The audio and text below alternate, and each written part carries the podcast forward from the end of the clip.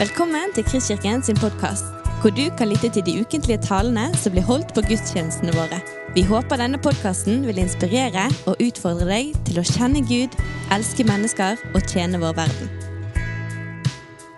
Vi er midt i en eh, taleserie, dvs. Si vi er slutten av en taleserie som heter Virkelig fri. Jeg håper den har vært en glede å følge. Det er jo egentlig en taleserie som handler om hellighet. Det er jo det Gud vil for oss. For tre søndager siden så var det Martin Cave, 70 år gammel, pastor, har sikkert jobbet som pastor i 60 av de, fra Imi-kirken som talte. Søndagen etterpå så var det Tor Jakob Mo, 80 år gammel, har sikkert jobbet 90 år som psykiater. Og forrige søndag så var det Eilif Haaland, doktor Eilif Haaland, som sikkert har jobbet i 100 år som lege, som delte. Og så tenkte vi da skal vi ha en søndag der vi fokuserer på fienden vår. Ja, 40 år gamle Kristoffer fra Loddefjord, han tar det. Men det er iallfall det jeg har fått i oppdrag i dag. Vi skal snakke om fienden vår. Eh, og Jeg har tenkt å lese en ganske lang tekst, så lang at ikke, han kommer opp på skjermen. Men du kan få slå opp med meg i 1. Samuels bok, kapittel 30, og vers 1. Nå skal vi lese helt til vers 20. Og akkurat med det som eh, pågår i Israel nå, og bortføringen av alle disse kvinnene og barna og menneskene, så er det interessant at denne teksten valgte jeg ut for en uke siden. To dager etter kom David og mennene hans til Siklag, det hjem igjen der de bodde. Da hadde amalekittene gått til angrep på Negev og Siklag. Siklag hadde de plyndret og brent ned. Kvinnene og alle som var der, både små og store, hadde de tatt til fange. De drepte ikke noen, men de drev dem foran seg da de dro sin vei. Da David og mennene hans kom hjem, var byen brent ned, og konene og sønnene og døtrene deres var bortført. De brast i gråt, både David og krigsfolket som fulgte han, og de gråt til de ikke orket mer. De to konene til David, Ahinoam fra Israel og Abigail, som hadde vært gift med Nabal fra Karmel, var også ført bort.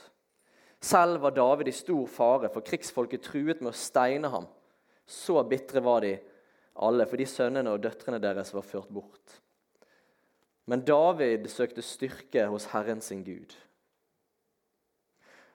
Han sa til presten Abiatar, sønn av Avimelek, kom hit med efoden.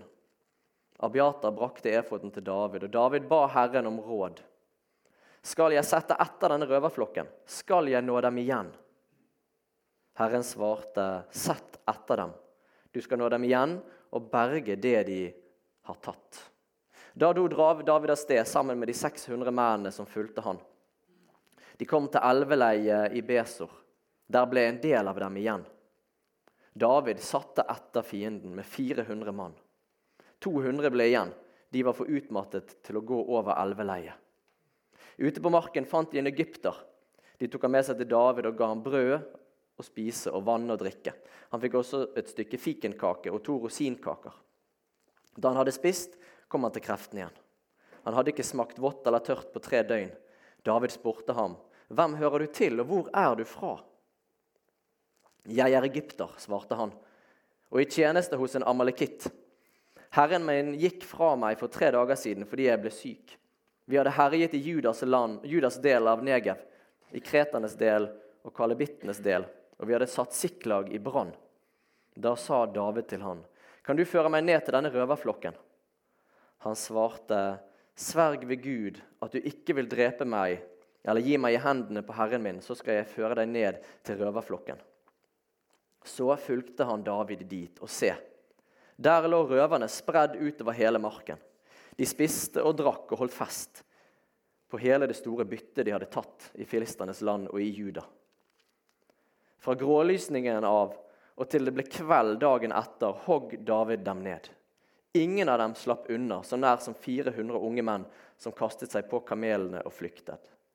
David berget alt det som amalekittene hadde tatt. De to konene sine berget han også. Ingen var savnet verken liten eller stor, sønner eller døtre, og heller ikke noe av byttet eller av alt det røverne ellers hadde tatt med seg. Alt sammen tok David tilbake. Han tok alt småfe og storfe deres. Og de som gikk foran og drev flokken fremover, ropte. Dette er Davids bytte. Så skal vi kjapt hoppe over i Markus kapittel 3. Og så skal vi lese fra vers 22.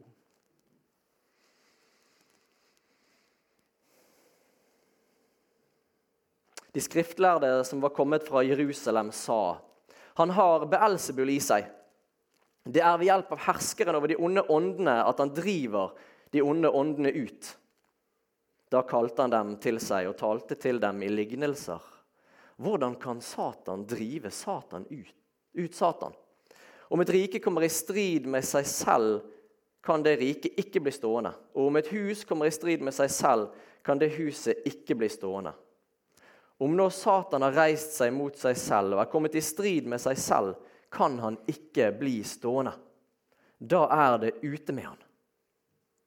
Men ingen kan gå inn i den sterkes hus og røve det han eier, uten at han først har bundet den sterke.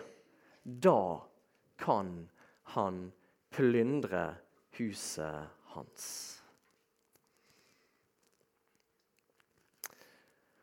Er det noen av dere som er interessert i fotball? Ja, Det var en lite fotballinteressert gjeng. Hvis Thomas hadde vært her Er du her, Thomas? Så kunne vi sagt noe om Rosenborg. Og Det skal ikke vi gjøre da. Du, det fins uh, mange gode fotballtrenere ute i verden. Men kanskje den som er anerkjent for å være den aller beste fotballtreneren, det er han som du ser på bildet. Pep Guardiola.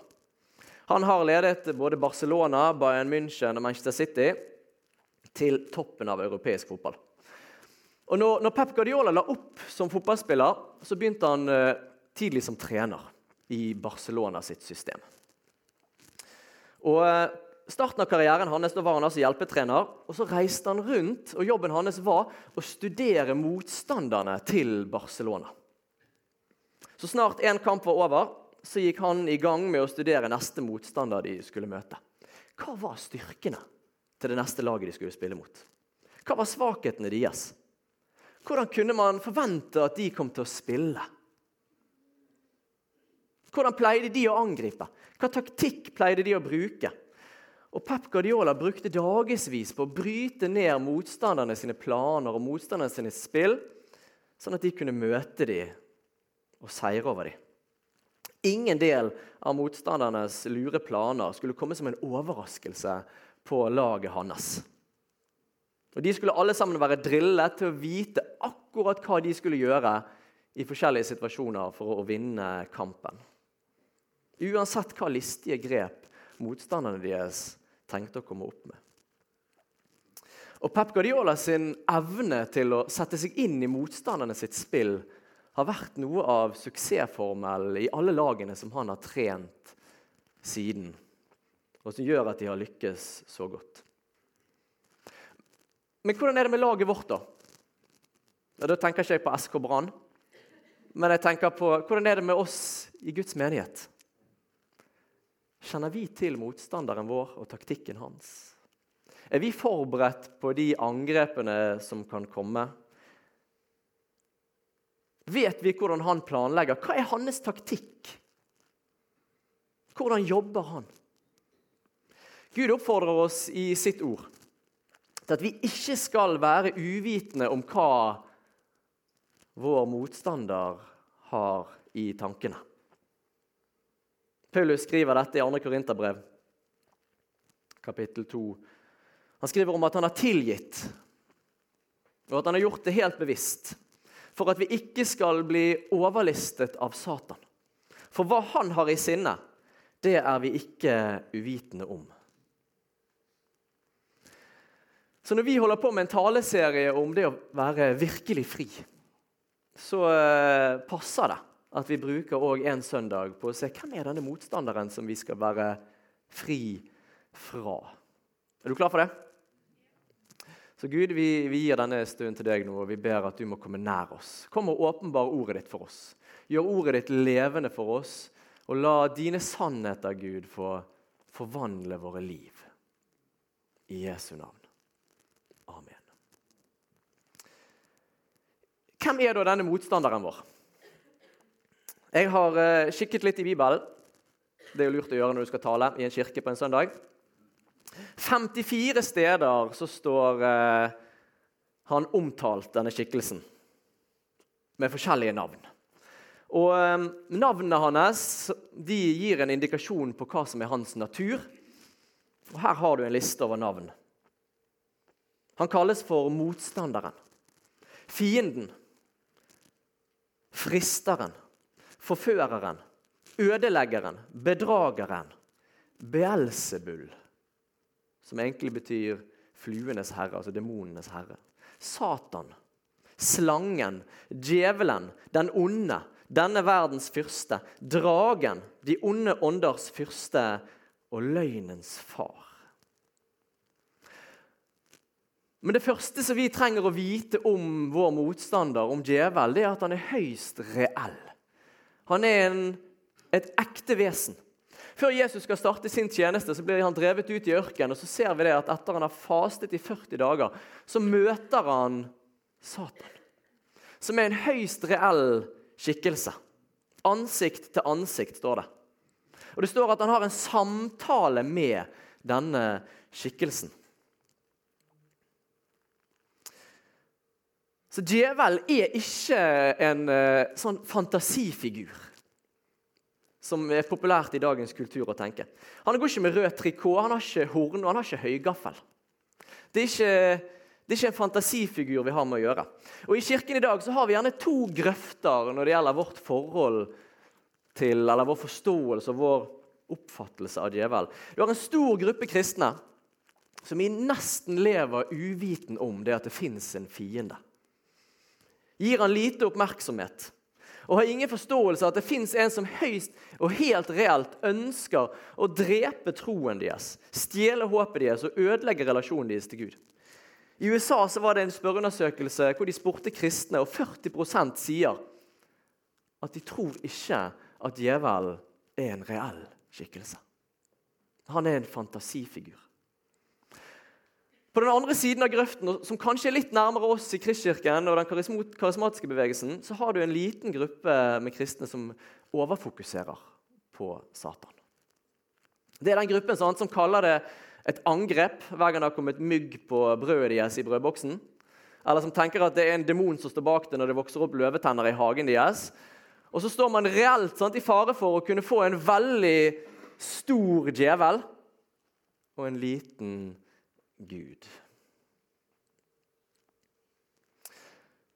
Det litt sånn populære bildet av djevel som står på den ene skulderen, og så Gud på den andre, som òg fins i, i dagens populærkultur, er et bilde som halter kraftig. Den største feilen er gjerne størrelsesforholdet. Fordi at de er ikke i nærheten av samme størrelse. Det er egentlig umulig å måle Satans ondskap opp mot Guds godhet. Du kan ikke bruke samme måleenhet. Hvis vi skal måle djevelenes ondskap, så kan vi gjerne bruke meter som målestokk. Men hvis vi skal snakke om Guds godhet og hans kraft, så må vi bruke lysår for å forstå hvor mye større det er. Sånn at dette bildet som du ser på skjermen, halter. Gud er skaperen av hele universet. Alt er skapt av han. Djevel kan ikke skape noe. Det eneste han kan, er å pervertere det som allerede er skapt. Og Et oversunt, usunt overfokus på djevelen leder oss ut i frykt. For det er en helt annen vi skal frykte.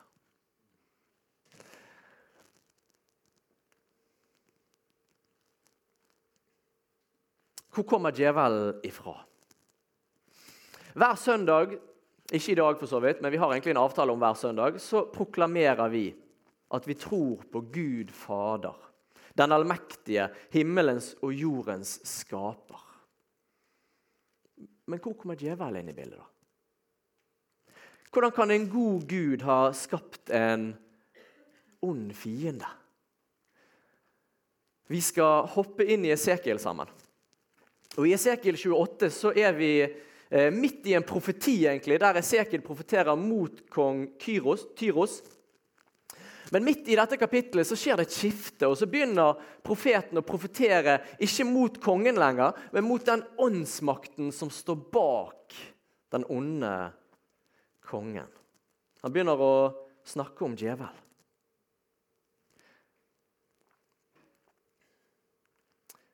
Menneske i Esekiel 28, vers 12. Menneske, stem i en likklage over kongen av Tyros og si til han, så sier Herren Gud.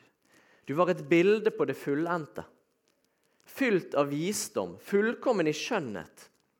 I eden, Guds hage, holdt du til. Du var dekket av alle slags dyre steiner, rubin, topas og diamant, krysolitt, onyx og jade, safir, turkis og smaragd. Forgylte kunstverk var dine trommer og fløyter, gjort i stand for deg den dagen du ble skapt. Du var en salvet kirub, et vern. Jeg innsatte deg. Du holdt til på Guds hellige fjell. Blant glødende stener vandret du. Du var hel i din ferd fra den dagen du ble skapt, til det ble funnet urett hos deg.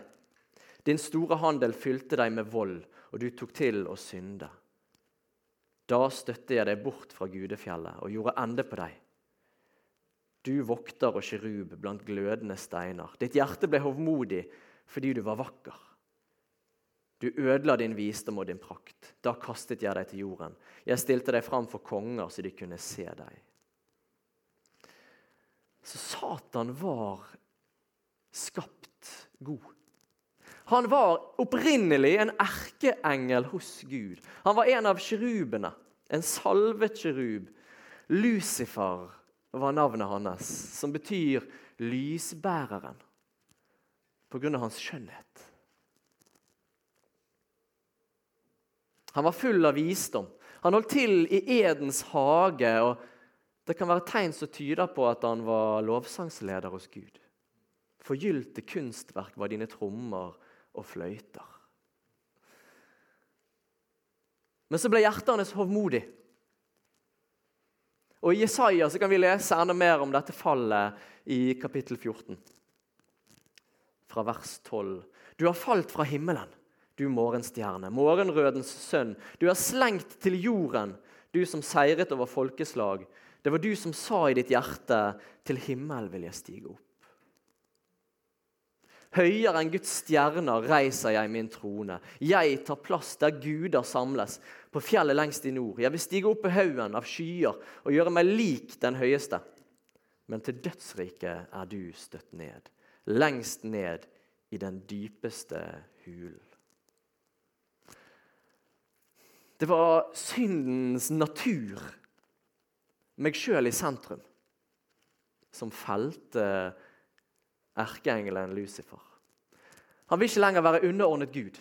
Jeg vil bestemme sjøl. Ser du det i linjene? Jeg vil ikke lenger være styrt av andre.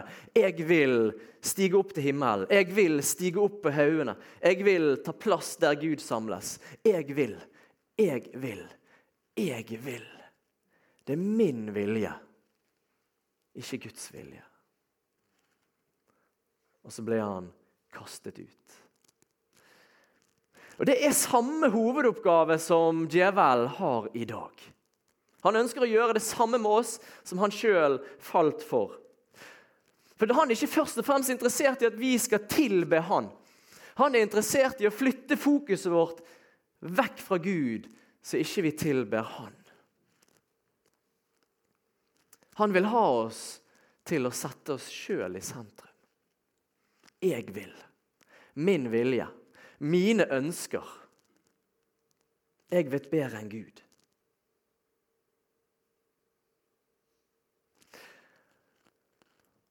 Så kan man gjerne tenke det at ja, djevelens barn det er satanistene. Det er disse som kler seg i sånne her eh, dyreskaller og går rundt med kåper. og Så setter de opp forskjellige symboler i skogen, og så slakter de dyr. Men det er ikke det som er djevelens barn. Jesus omtaler de når han snakker til de religiøse. Så kaller han de for ormeyngel. barn av slangen.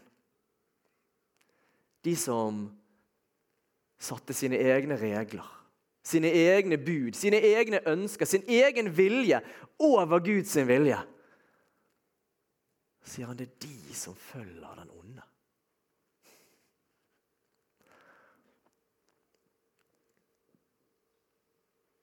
Hva er det første vi ser at djevelen gjør i Bibelen? Jo, det er akkurat det som er på bildet også. Det første vi ser, er at han sniker inn en tanke hos Adam og Eva. Har Gud virkelig sagt? Kan det virkelig stemme, det Gud vil at du skal tro på? Det Gud ber deg om å gjøre? Djevelen er løgnens far.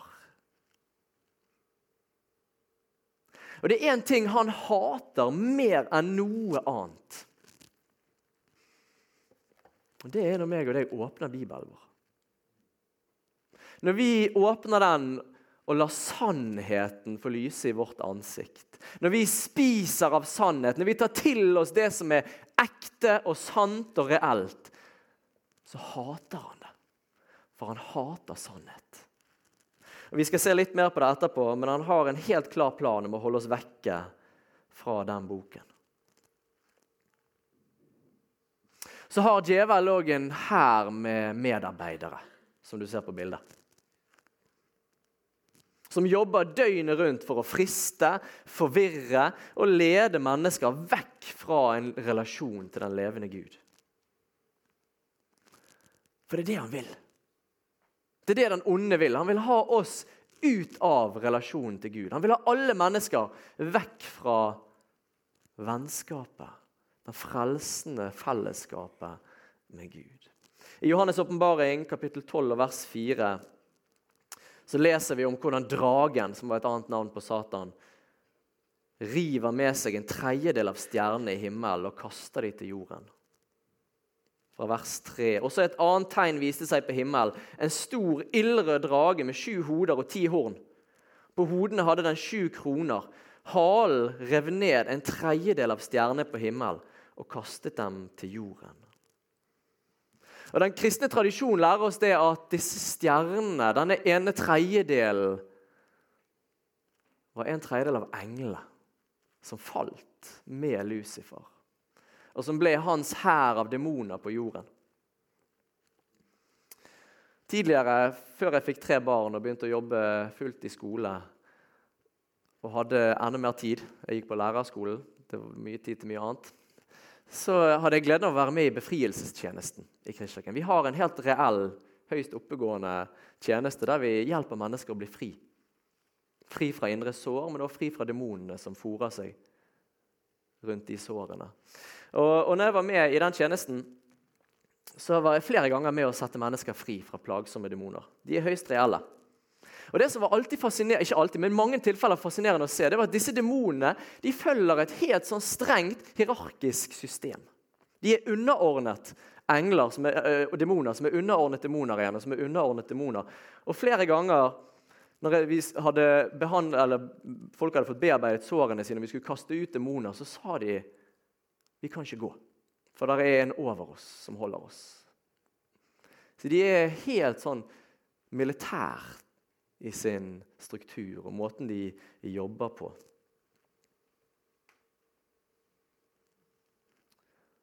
Så fòrer de seg på uoppgjort synd i livene våre. Fester seg til det. Sår inn løgner. Og så jobber de på kommando fra løgnens far, Satan sjøl.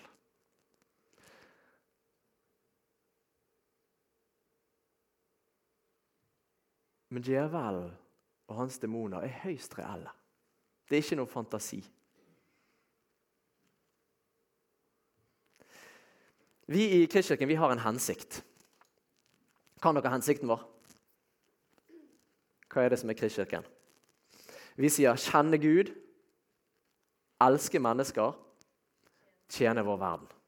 Vi har en hensikt. Det er det vi sikter på. Det er det vi driver med. det er det vi vil. Djevel har også en hensikt. visste du det? Tyven kommer bare for å stjele, drepe og ødelegge. Jeg er kommet for at dere skal ha liv og overflod, sier Jesus. Han er kommet bare for, står det, Å stjele, drepe og ødelegge.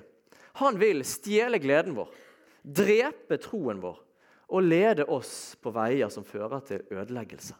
Mens liv og overflod finnes i relasjonen til Gud, så vil han dra oss vekk ifra den. Det er hans fremste ønske. Derfor ber Gud oss om å være våkne og vokte. 1. Peters brev 5, i vers 8 så står det Vær edru og våk. Deres motstander djevel går omkring som en brølende løve for å finne noen å sluke. Stå han imot, faste i troen. Ja, hvordan skal jeg stå han imot da? Hva skal jeg gjøre? Hvordan skal jeg kjempe imot? Hva skal jeg gjøre for å vokte meg? Hva strategier er det djevel bruker? Og Vi kunne sikkert hatt en egen taleserie om akkurat det. Jeg skal prøve med tre veldig enkle eksempler og si noe om hva er det vi må passe oss for. Hva er det vi må være oppmerksom på? Hva er det vi må vokte oss for? Det første djevel gjør, det er å isolere Guds barn.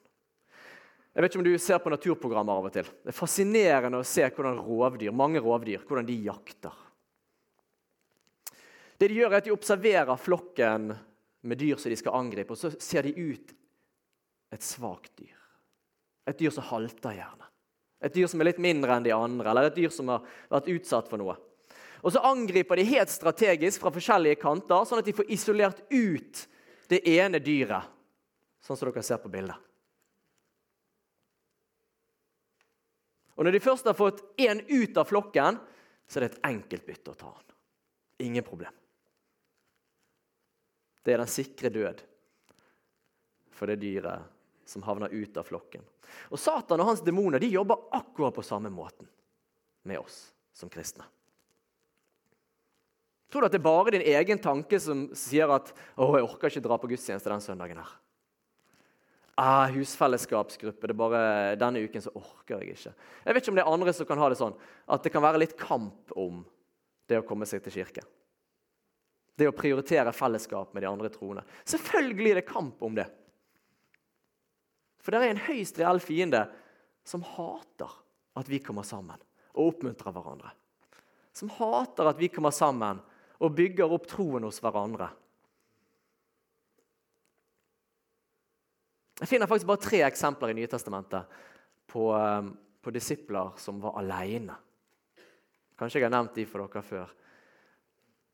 Det første er Peter, som går fra de andre disiplene og ender opp med å fornekte Jesus.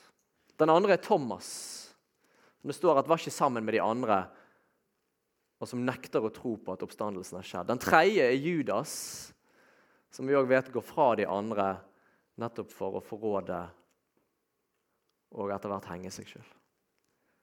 De var aleine. De gikk fra flokken. Hebreerbrevet 10,23, kjente vers. La oss holde urokkelig fast på bekjennelsen av vårt håp.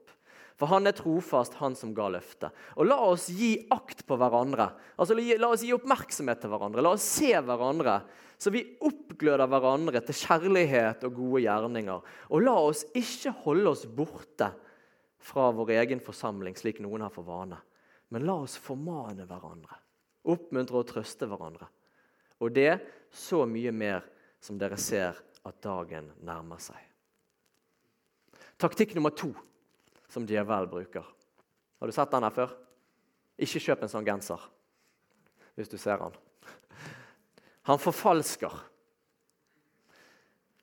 Satan kan ikke skape noe sjøl.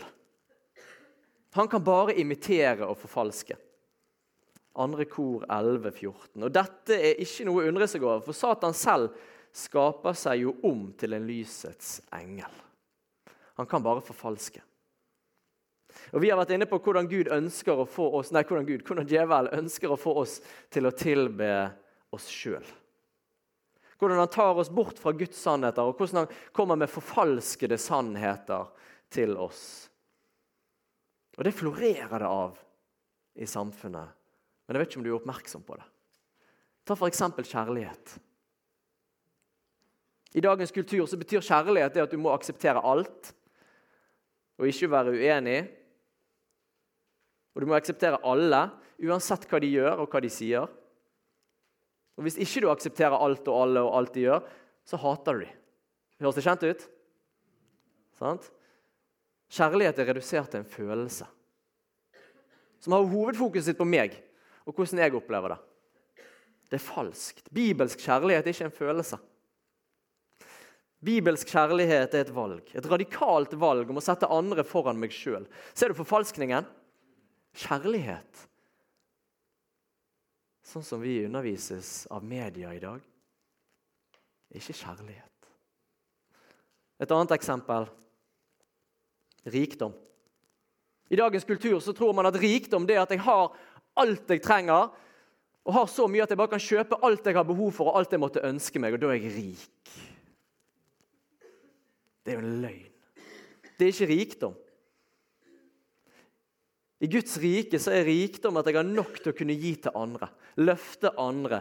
Øse ut til de som trenger det mer enn meg sjøl. Ser dere forfalskningen og sannheten? Er vi obs på det? Er vi bevisst på det når vi sitter og scroller på sosiale medier, ser reklamer på TV? At vi fòres med løgn.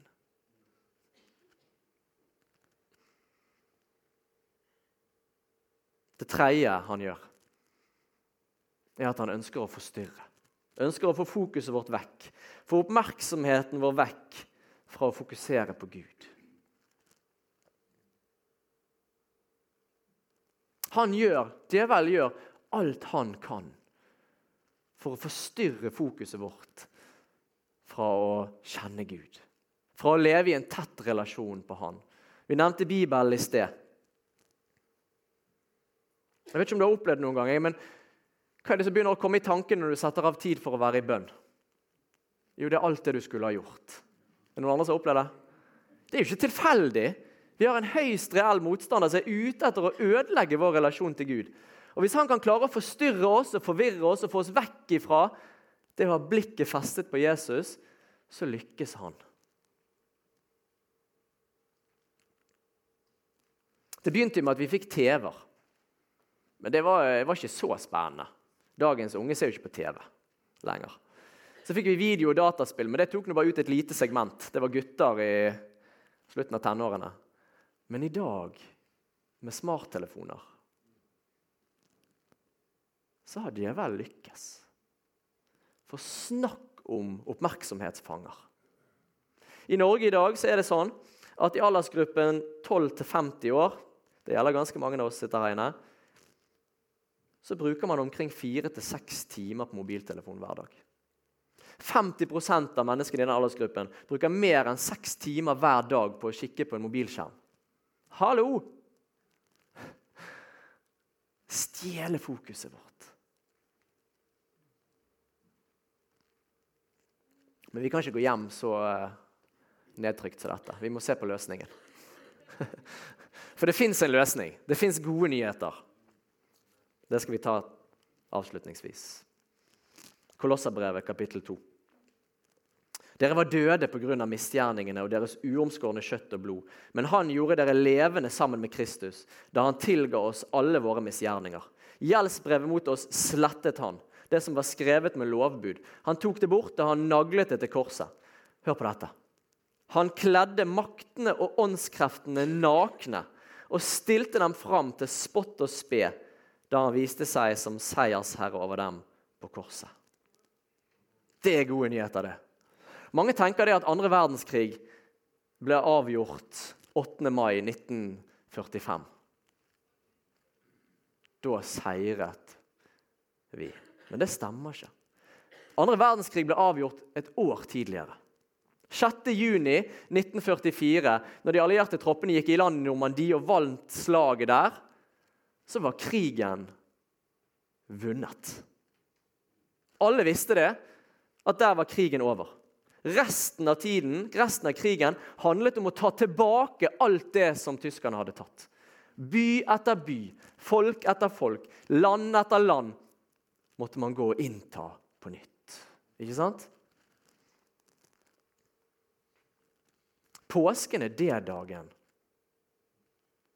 Landgangen i Normandie. Påsken er den dagen for oss. I den åndelige krigen. Når Jesus dør på korset og tar et evig oppgjør med synden. Når han knuser djevel og demonene med å beseire selve døden, så mister slangen sin makt. Den makten han tilrøvet seg i Edens hage. Den dagen ble Satan avkledd. Den dagen ble han stilt åpenlyst fram gjennom en himmelsk seiersparade som vi leser om i Kolosserbrevet 2.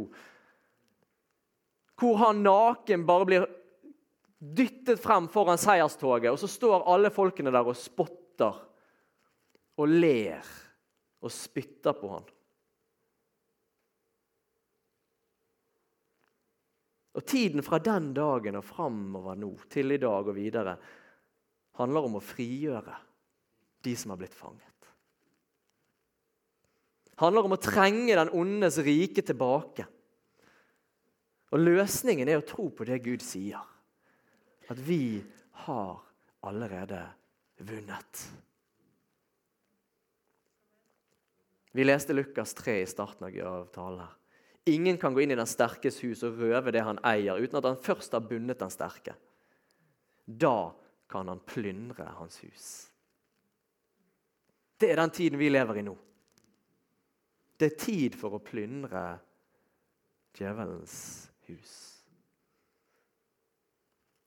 Og Så leser vi historien innledningsvis om David og mennene hans, som går etter amalekittene. Og Det er jo en profetisk historie som treffer hardt i dag, akkurat i den situasjonen i Israel, men som også treffer hardt for oss som lever på denne siden av korset. David hogg de ned helt fra skumringen til neste dag. Ingen av de slapp unna, så nær som 400 unge menn som kastet seg på kamelen og flykte. David berget alt det som amalekitten hadde tatt. Han berget alt. Også sine to koner berget David. Det manglet ikke noe, verken liten eller stor, verken sønner eller døtre. Heller ikke noe av det byttet eller av alt det de hadde tatt med seg, manglet.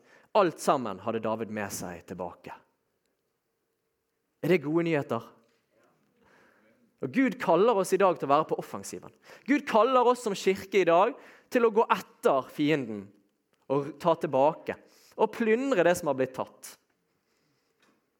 Troen til de som har rotet seg bort. Barna våre, barnebarna våre, vennene våre. Som har blitt lurt vekk. Gud kaller oss til å gå etter og ta tilbake livsgleden til de som har blitt rammet av frykt. Håpet til de som har vært syke lenge. Det er tid for å gå etter og si, sammen med Jesus, Guds rike er kommet nær. Dette er jo det Jesus sier i det han sender oss. Helbred de syke, vekk opp de døde, rens de spedalske, driv ut onde ånder. For intet har dere fått det, for intet skal dere gjøre det. Det er den tiden vi lever i nå. For Guds rike er kommet nær. Fordi at den onde er beseiret. Og vi skal være med å ta tilbake. Lovsangstimen skal få lov å komme opp, og skal vi avslutte sammen. Men jeg har lyst til å lese en tekst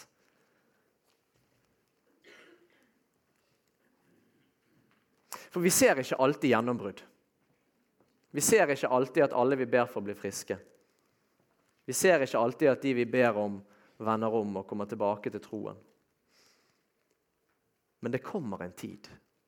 Det kommer en dag der vi skal gjøre det.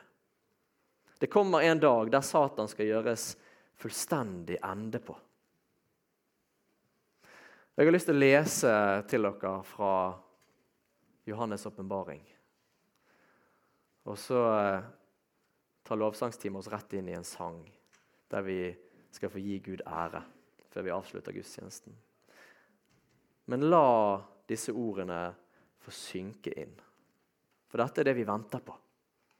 Dette er det fullkomne. Johannes' åpenbaring kapittel 20 vers 7. Når de tusen år etter ende skal Satan slippes løs fra sitt fengsel.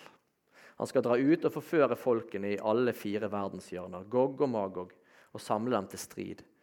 Og de er tallrike som havets sand.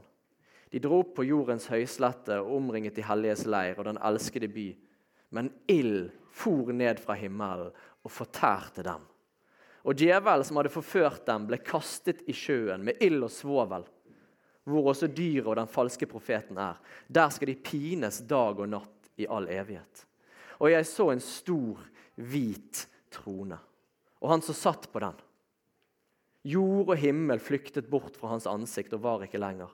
Og jeg så de døde, både store og små. De sto foran tronen. Og bøker ble åpnet. Så ble en annen bok åpnet, livets bok. Og de døde ble dømt etter det som sto skrevet i bøkene, etter sine gjerninger. Havet ga fra seg de som døde der, og døden og dødsriket ga fra seg de døde som var i dem. Og enhver ble dømt etter sine gjerninger.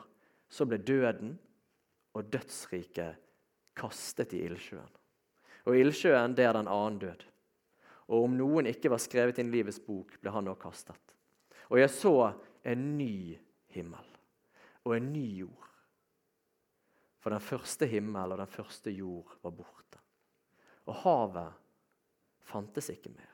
Og jeg så den hellige byen, det nye Jerusalem, stige ned fra himmelen, fra Gud, gjort i stand og pyntet som en brud for sin brudgom. Og jeg hørte fra tronen en høy røst som sa, Se, Guds bolig er hos menneskene. Han skal bo hos dem, og de skal være hans folk og Gud selv skal være hos dem. Han skal være deres Gud. Han skal tørke bort hver tåre fra deres øyne. Og døden skal ikke være mer. Heller ikke sorg eller skrik eller smerte. For det som en gang var, er borte. Han som sitter på tronen, sa, Se, jeg gjør alle ting nye. Du har lyttet til en podkast fra Kristkirken i Bergen. Vi håper du har blitt inspirert og utfordret i din vandring med Gud. Vil du vite mer om oss, så klikk deg inn på kristkirken.no.